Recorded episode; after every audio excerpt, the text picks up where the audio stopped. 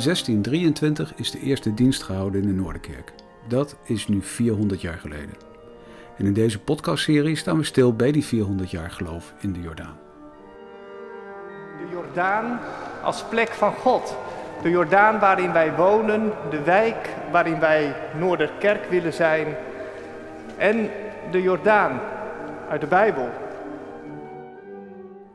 We gaan in gesprek met oude predikanten van de Noorderkerk en met vier stadspredikanten uit Amsterdam. En we luisteren naar vier Jordaanpreken, waarin dominee Johan Visser en Dick Wolters ingaan op de relatie tussen de Jordaan als wijk en de rivier uit de Bijbel. Maar hier qua vorm en inhoud van het gebouw is natuurlijk fantastisch. De preekstoel centraal en de mensen eromheen. Ja, dat is geweldig. Dat je. Die Noorderkerk was ook gewoon een, een plek en dat ben ik ook steeds meer gaan zien. En ik vond het vooral in de avonddiensten soms heel apart. Dan zat je met elkaar. Dit is ook een plek, gewoon even de beschutting. Je mag hier even zijn. Is dat je merkt dat bij gemeentes wel langzamerhand nu het bewustzijn ontwaakt uh, wat de waarde van het gebouw in die zin ook is. En ik denk dat het ook een teken van God is midden in de Jordaan en in de stad. Dus gewoon voor, voor mensen die, ja, je, je ontkomt er niet aan. Er is een kerk. Zeg maar.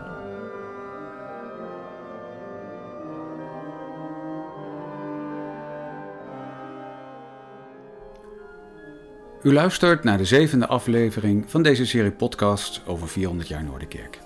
We gedenken dat op 16 april 1623, het was toen eerste paasdag, de eerste preek werd gehouden in de Noorderkerk. Nu, 400 jaar later, staan we daar in een speciale dankdienst bij stil. Voorgangers zijn dominees Johan Visser en Dick Wolters. Na de dienst kunt u nog luisteren naar het lied dat Lieke Zandijk en Erika Molenaar speciaal voor deze gelegenheid geschreven en samen gezongen hebben. De tekst van dit lied kunt u terugvinden op onze website bij activiteiten 400 jaar Noorderkerk.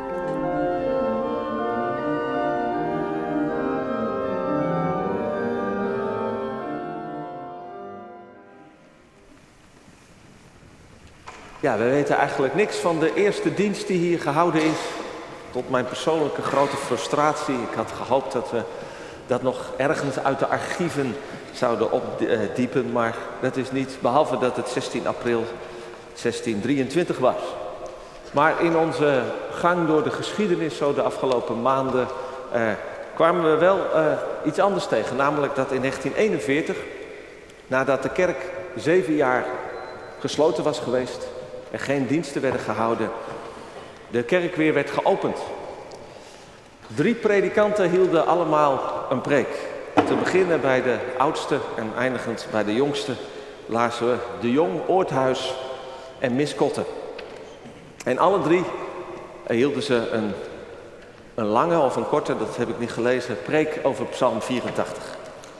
Nu dachten we, nou dat is eigenlijk wel mooi om nu bij dit jubileum ook te doen. Dus we gaan luisteren naar Psalm 84.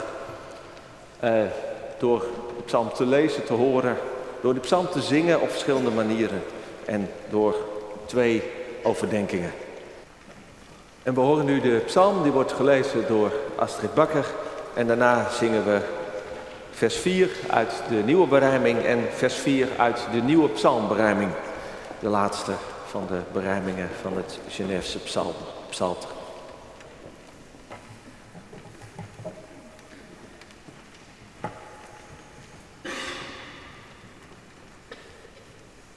Psalm 84.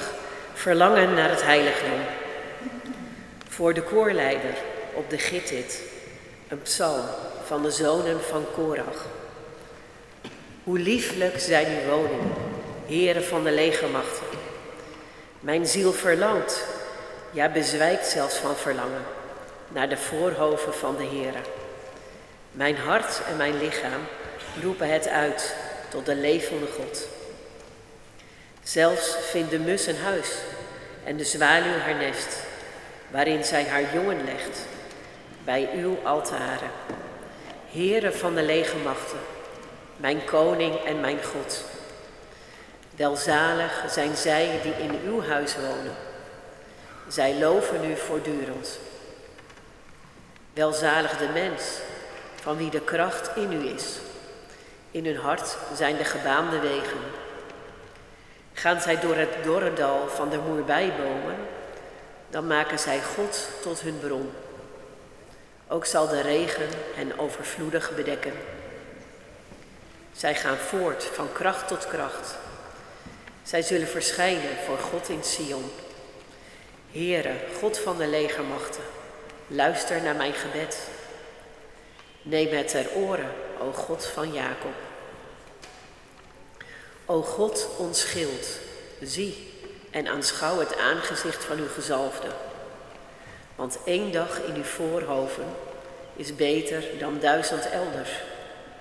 Ik verkoos liever te staan op de drempel van het huis van mijn God, dan lang te wonen in de tenten van de goddeloosheid. Want God de Heere is een zon en schild. De Heere zal genade en eer geven. Hij zal het goede niet onthouden, aan wie in oprechtheid zijn weg gaat. Heere van de legermachten, welzalig de mens die op u vertrouwt. Gemeente van Jezus Christus. Hoe lieflijk, hoe heerlijk, hoe mooi zijn uw woningen, heren van de legermacht. En dat zeggen we en zingen we vandaag van harte met psalm mee. Over een van de woningen van God. Dit godshuis hier in de Amsterdamse Jordaan. En dat meervoud van de psalm, uw woningen, is verrassend en passend. Want de psalm gaat over de tempel in Jeruzalem. Die ene woning van God. Maar de dichter die ziet meer dan één huis. Woningen. Het is dus een uitnodiging om ruim en groot te denken. Ja, zo is het. God heeft immers de grootste vastgoedportefeuille van de hele wereld. Daar kunnen zelfs prins Bernard junior en zijn vastgoedvrienden niet aan tip. En God heeft dat vastgoed niet als een belegging of voor zijn eigen bezit. Nee, al die plekken zijn woningen. Waar hij woont om mensen welkom te heten en te ontmoeten. Zodat ze bij hem thuis kunnen komen en veiligheid en vrede kunnen vinden. Dus hoe lieflijk is dit 400 jaar oude huis? Waar zelfs de mus en de zwaluw, of beter de muis, de rat en de verdwaalde stadsduif bij Gods mogen wonen. Dit huis, waar de eeuwen door zoveel voeten de drempels en de, en de grafzerken hebben uitgesleept. Waar zoveel stemmen hebben gezongen. En waar zoveel harten hebben verlangd naar de levende God. Stel je voor dat dit huis ogen had. Hoeveel mensen had het dan niet zien komen? Mensen als wij, die kwamen om een woord van God te horen. Een woord van troost, een hoop, een wijsheid of oordeel. Om het avondmaal te vieren en te proeven dat, dat de Heer genadig en goed is. Mensen die hier in de kerk diep en radicaal werden geraakt. Of eerder, of eerder heel, heel rustig en gewoon het geloof vonden en, en, en, en behielden. En ook zij die, die, die zoekers bleven. Of die er misschien nooit echt bij kwamen, maar toch altijd weer ergens hier naartoe kwamen. En mensen uit de Jordaan. En mensen uit de hele stad en omstreek. Studenten van buiten. En schippers en zeelieden die hier op zondag in de havens lagen. Elk jaar waren er weer mensen die die beleidenis van het geloof deden. Lange tijd denk ik gewoon omdat ze erbij wilden horen. Maar ook altijd wel weer hen die een hele bewuste geloofskeuze keuze maakten. En soms ook werden gedoopt. En er waren ook de mensen die hier kind aan huis waren. De kosters en de grafdelvers die hier letterlijk woonden aan die kant en die kant van de kerk. En hun kinderen die hier speelden. Een stukje van hun, van hun thuis was het hier. En ik denk ook aan alle ambtsdragers en, en kerkrentmeesters en vrijwilligers die zorgden voor dit gebouw, voor de gemeente. Ja, gelukkig degene die wonen in uw huis, zegt de psalm. Maar ook de mensen die hier kwamen met hun geliefde doden om ze te begraven.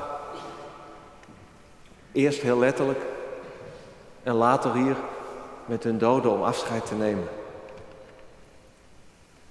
En mensen die hier kwamen op de nationale biddagen, hoeveel zullen er geweest zijn, al die eeuwen door, in tijden van rampspoed en nood, dat, dat de overheid of de kerk een biddag uitriep en de mensen hier naartoe kwamen om te bidden.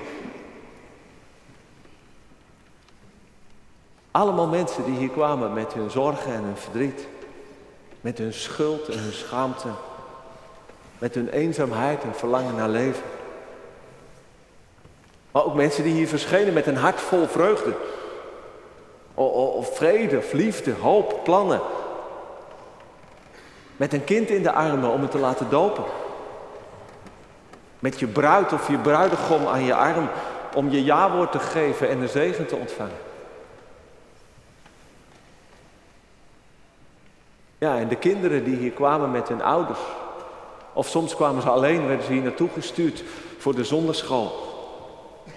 En al die jongeren de eeuwen door die hun weg zochten in het leven.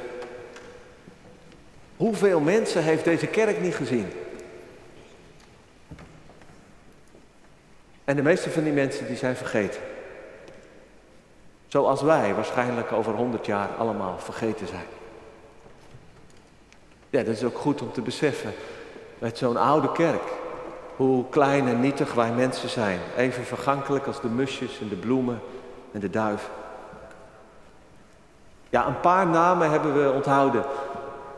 Omdat ze hebben betekend voor de stad of voor, voor de kerk of de mensheid. Vincent van Gogh, Jan Koopmans. Anderen die, die komen bij dit jubileum weer even onder het stof vandaan. Dominee Karel Adema van Scheltema, die zich met, met, met zijn hart en zijn ziel inzette voor de bevolking van de verpauperde Jordaan. En uit de archieven baby François, die hier als buitenechtelijk kind in 1710 werd gedoopt. Maar ach, wat zijn al die mensen. Ook wij die er nu zijn, de meeste van ons, de mensen van de laatste 50 jaar, zeg maar. En natuurlijk, zonder, zonder mensen is de kerk leeg. En zou het ook snel gedaan zijn met de kerk. Maar met alleen maar mensen is de kerk even leeg en zieloos. Want een kerk is een plek waar mensen de levende God zoeken. Of misschien nog wel meer andersom. Waar de levende God mensen zoekt en ontmoet. De levende God, dat raakte me zo aan het begin van de psalm.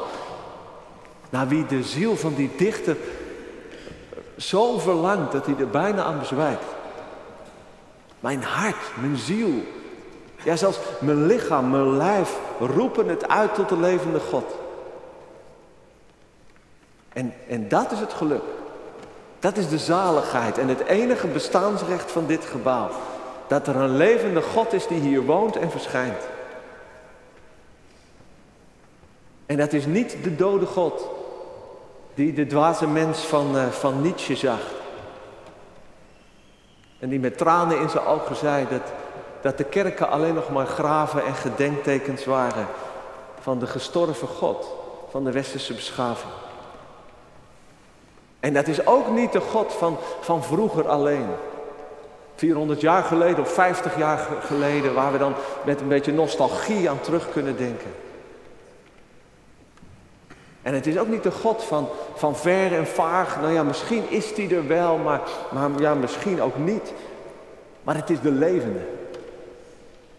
En er zitten twee kanten aan. Dat is de God die leeft. Vandaag ook.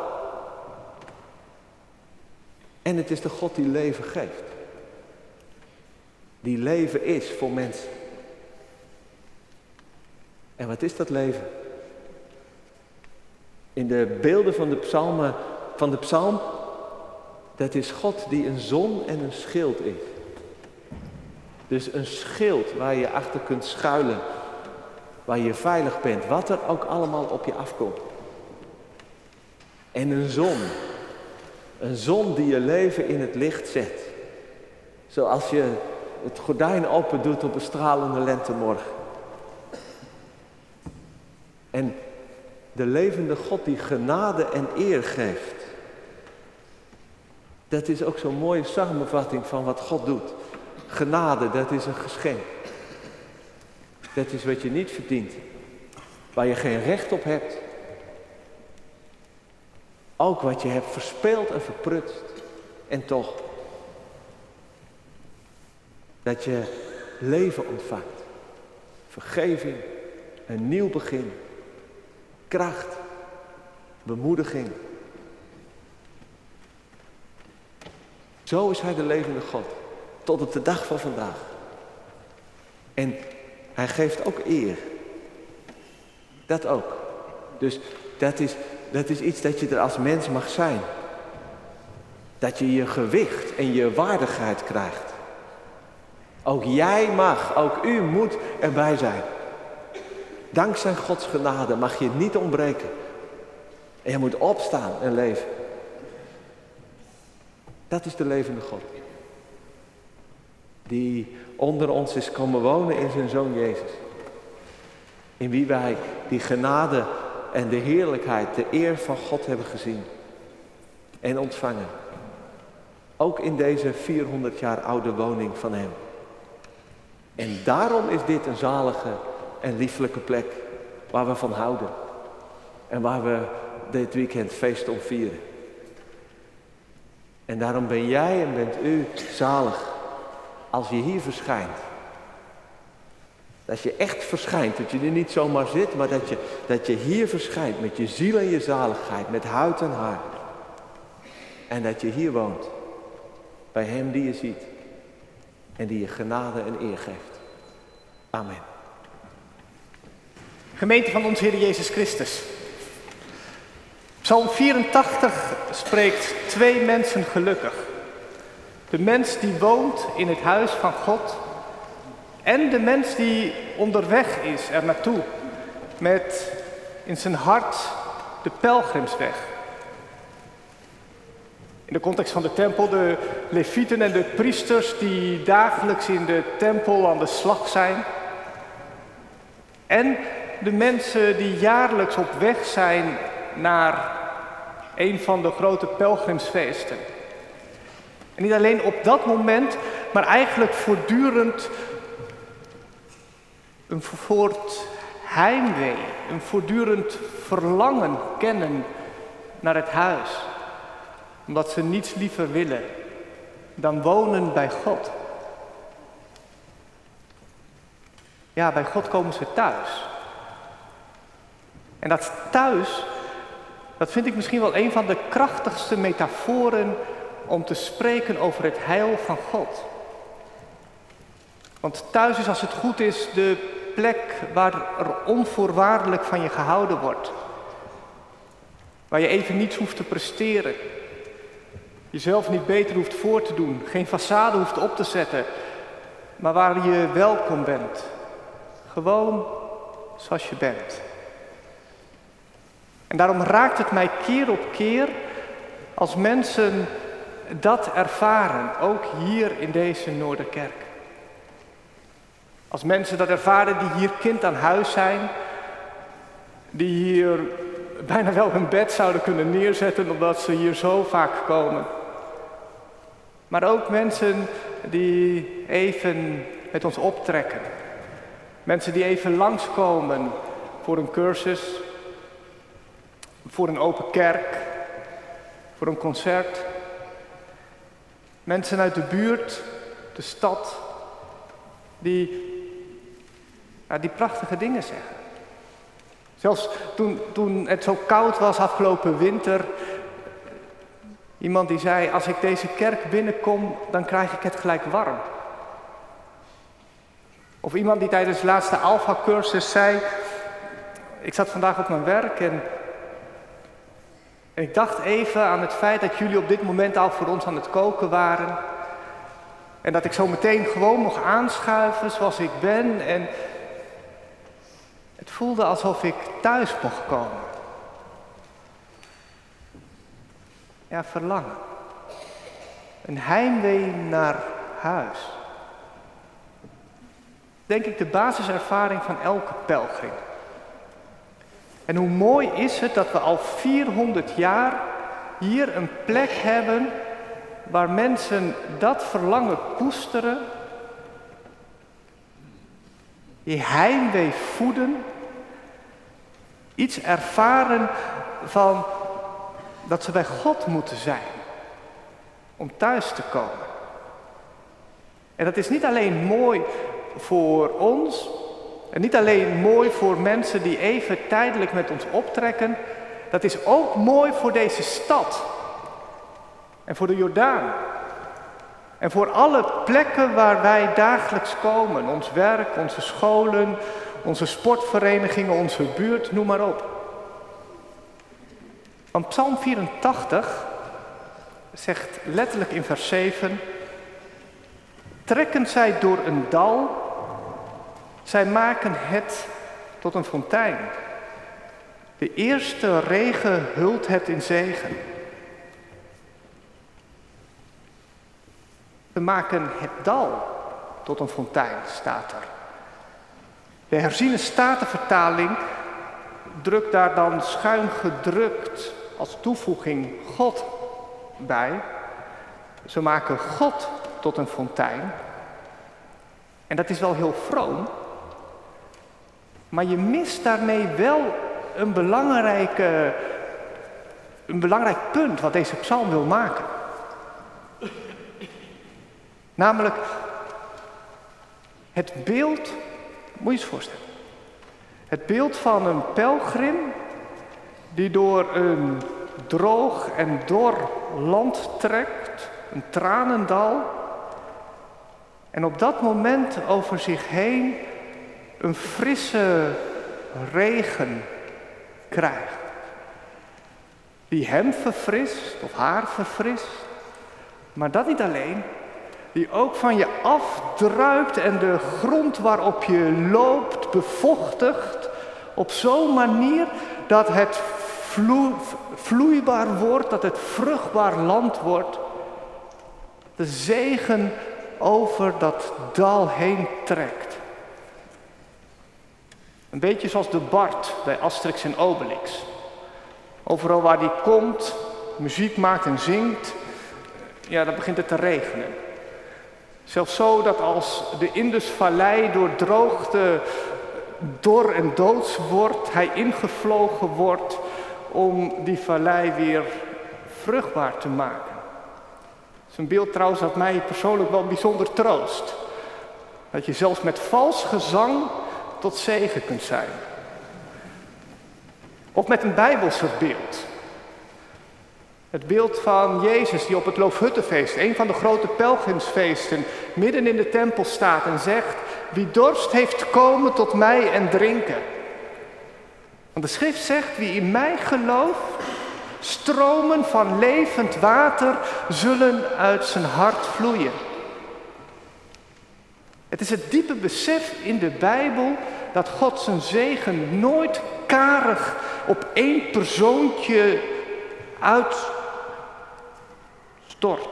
uitdeelt. Maar dat, dat, dat hij zijn zegen uitstort, overvloedig. Op zo'n manier dat, dat iedereen ervan mee profiteert. Abraham, in wiens naam de volken van de aarde gezegend worden. De rechtvaardigen, die, de tien rechtvaardigen, die, die Sodom kunnen behoeden voor, voor het oordeel. Of Jozef, die eerst tot zegen is bij Potifar, dan in de gevangenis en vervolgens zelfs voor heel Egypte. En zo zou ik nog legio voorbeelden kunnen noemen. Zalig is het dorre dal als daar een pelgrim doorheen trekt. En vandaag zeg ik, zalig, gelukkig is de Jordaan. Dat er hier al 400 jaar een kerk staat. even voor de duidelijkheid, ik zeg niet dat de Jordaan een droog en dor ellende tranendal is. En ik zeg ook niet dat wij altijd ons hart op God hebben gezet. En vol van heimwee, verlangend naar Hem onderweg zijn. De geschiedenis, en daar hebben we ook al wel gememoreerd in aanloop op dit uh, jubileum, heeft ons ook wel een spiegel voorgehouden. Maar wat ik wel zeg, is dat wanneer wij gedreven worden door heimwee, verlangend naar God en naar het thuis bij Hem, verlangend naar de levende, dat het dan ook echt iets gebeurt. Waar mensen hier komen, niet vol van zichzelf en ho, hoe goede christenen zijn we wel niet. En ook niet vol van dit gebouw. En oh, wat is toch een prachtige kerk. Maar vol van Christus. En vol van verlangen naar Hem. Daar gebeurt er echt iets. Iets als een frisse voorjaarsregen dat nieuw leven brengt. En onwillekeurig denk ik dan aan die pelgrims die onderweg waren op de eerste paasdag. Allereerst twee vrouwen, verblind door, door een verdriet, dor en doods van binnen. Maar de ontmoeting met de levende zorgt voor zo'n omkeer dat ze het gelijk zijn discipelen willen vertellen. Of die twee onderweg naar Emmaus, verblind in hun wanhoop. Maar, onderweg gaat een hart branden. En als een hart gaat branden, dan keren ze gelijk terug. En de Heer is waarlijk opgestaan. Ja, 400 jaar geleden werd hier voor het eerst dienst gehouden. Met Pasen. Feest van de opstanding. En sindsdien komen wij steeds bij elkaar op de eerste dag van de week, de opstandingsdag. De dag van het nieuwe leven. Om dit te vieren. Te vieren dat we thuiskomen bij God. Bij Hem die een zon en een schild is. Bij Hem die de levende is. En bij Hem die zijn zegen zo overvloedig over ons uitgiet. Dat wij niet alleen gelukkig zijn, maar dat deze hele stad er gelukkig van wordt. Lof, eer, aanbidding komen Hem toe. Amen.